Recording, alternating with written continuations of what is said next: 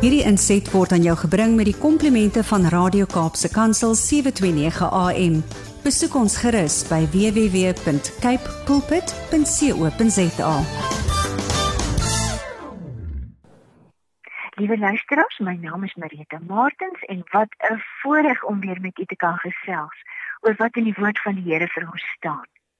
En hierdie boodskap van vandag 'n boodskap vir elkeen wat as voorbidder vir ander optree. Vir my is dit 'n heerlike openbaring uit die woord van die Here. Ons lees eers weer uit Hebreërs 10 vers 35. Julle geloofsvertroue moet julle dus nie prysgee nie. Dit hou groot beloning in. Sommige liedjies en die vertolking daarvan kan moeilik met 'n beter woord beskryf word as die woord, die Engelse woord sweet. Een so 'n sweet liedjie is Kisarasara, soos gesing deur Doris Day. Kisarasara beteken whatever will be will be. Wat gaan gebeur of wat moet gebeur, gaan gebeur. Kom ons lees 'n bietjie die woorde. When I was just a little girl, I asked my mother, What will I be? Will I be pretty? Will I be rich? Here's what she said to me. Que sera, sera. Whatever will be, will be. The future's not ours to see. Que sera, sera.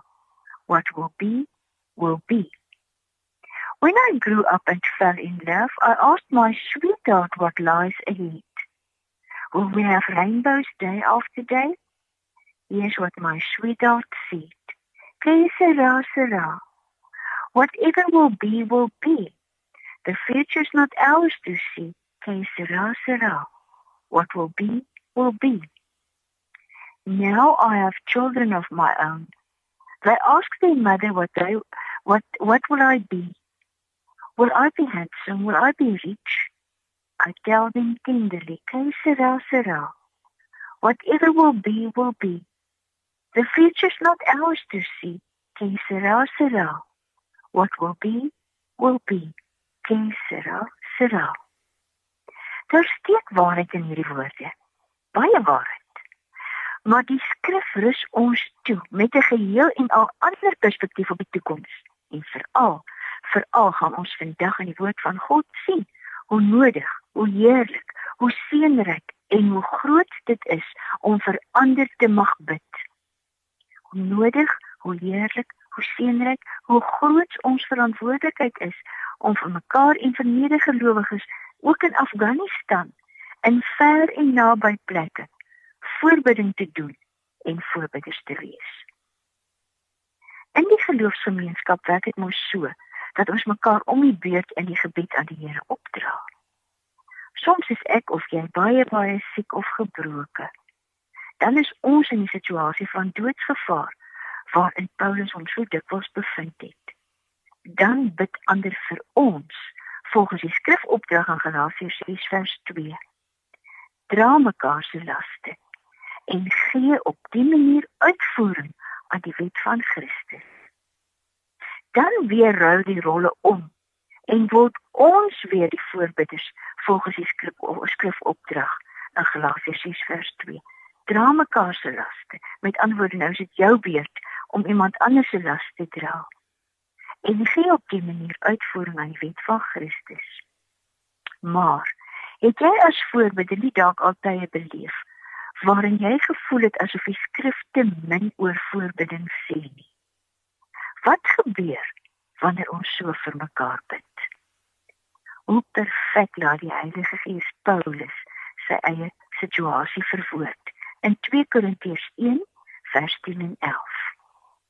Paulus skryf: Dit is hy, dit is die Here wat ons uit so groot doodsgevaar gered het en ons weer sal red. Op hom is ons hoop gefestig. Hy sal ons verder red. Paulus het vir die gemeente van Korinte geskryf.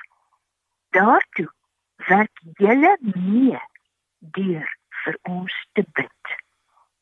En juis in hierdie tyd getuig die woorde van die vierde die apostel van die belangrikheid, die voorreg, die erns, die heerlikheid van voorbidding vir mekaar.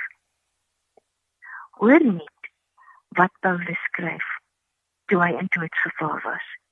Toe het hy die Here vir Paulus uit doodsgevaar gered. En daartoe werk julle mee deur vir ons te bid. Die heerlike resultaat is so sal die gebede van baie seën van God vir ons bring. En dan sal baie hom vir ons, in die geval is dit Paulus se geval, dank. Kom ons lees dit weer. So sal die gebede van baie 'n seën van God vir ons bring.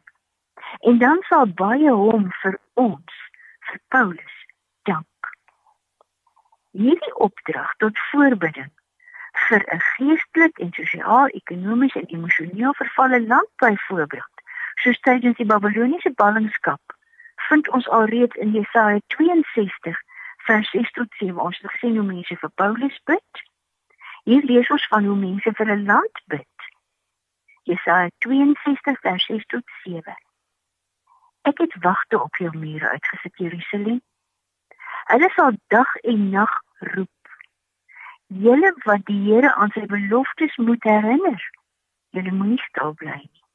Julle moenie stil bly nie. Totdat hy Jerusalem herstel het. Totdat hy die hele wêreld die roem van Jerusalem laat sing.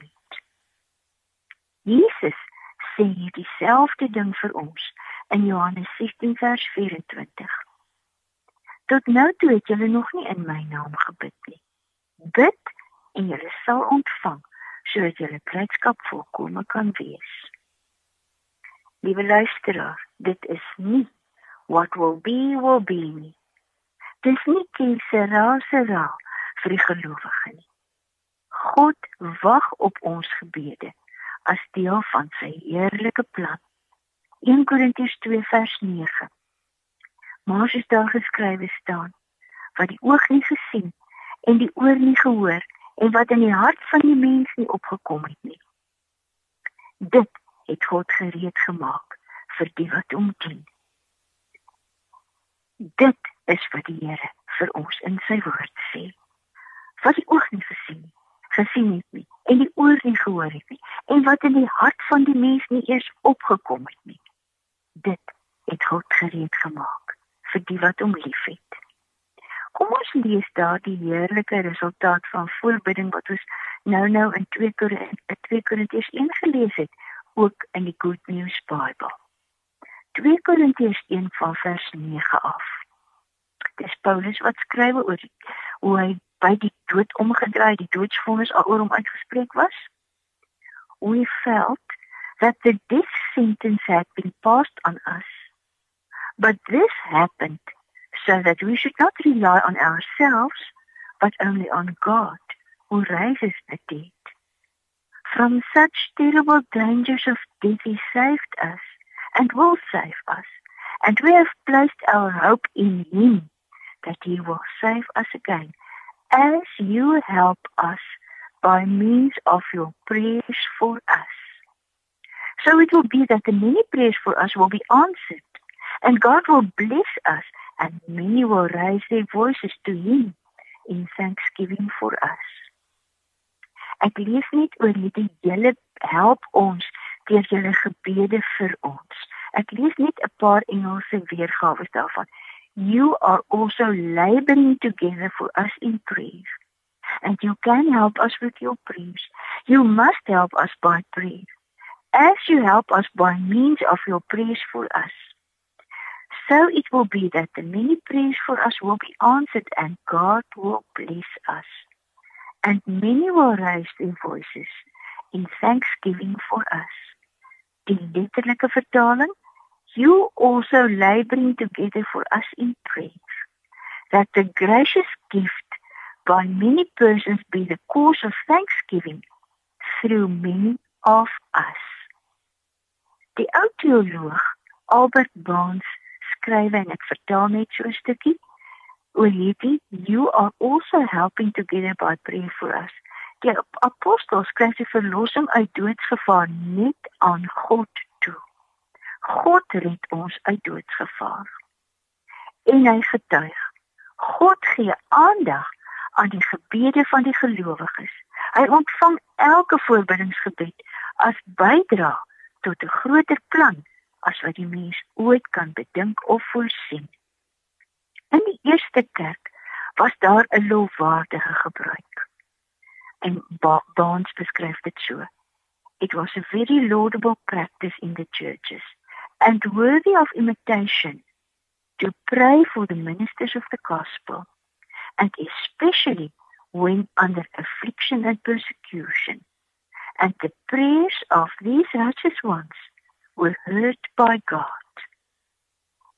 Is dit nie nou die tyd om vir ons medegelowiges en vir die geestelike leiers, vaders en moeders en mense wat geestelik leiding neem byvoorbeeld in Afghanistan te bid nie.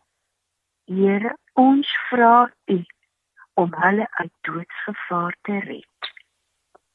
Dan is daar uh, Albert Barnes skryf verder, the gift of deliverance from so great a death, which the apostle looked upon as a wonderful mercy, a free grace gift, was bestowed upon them, was granted to them, to this end.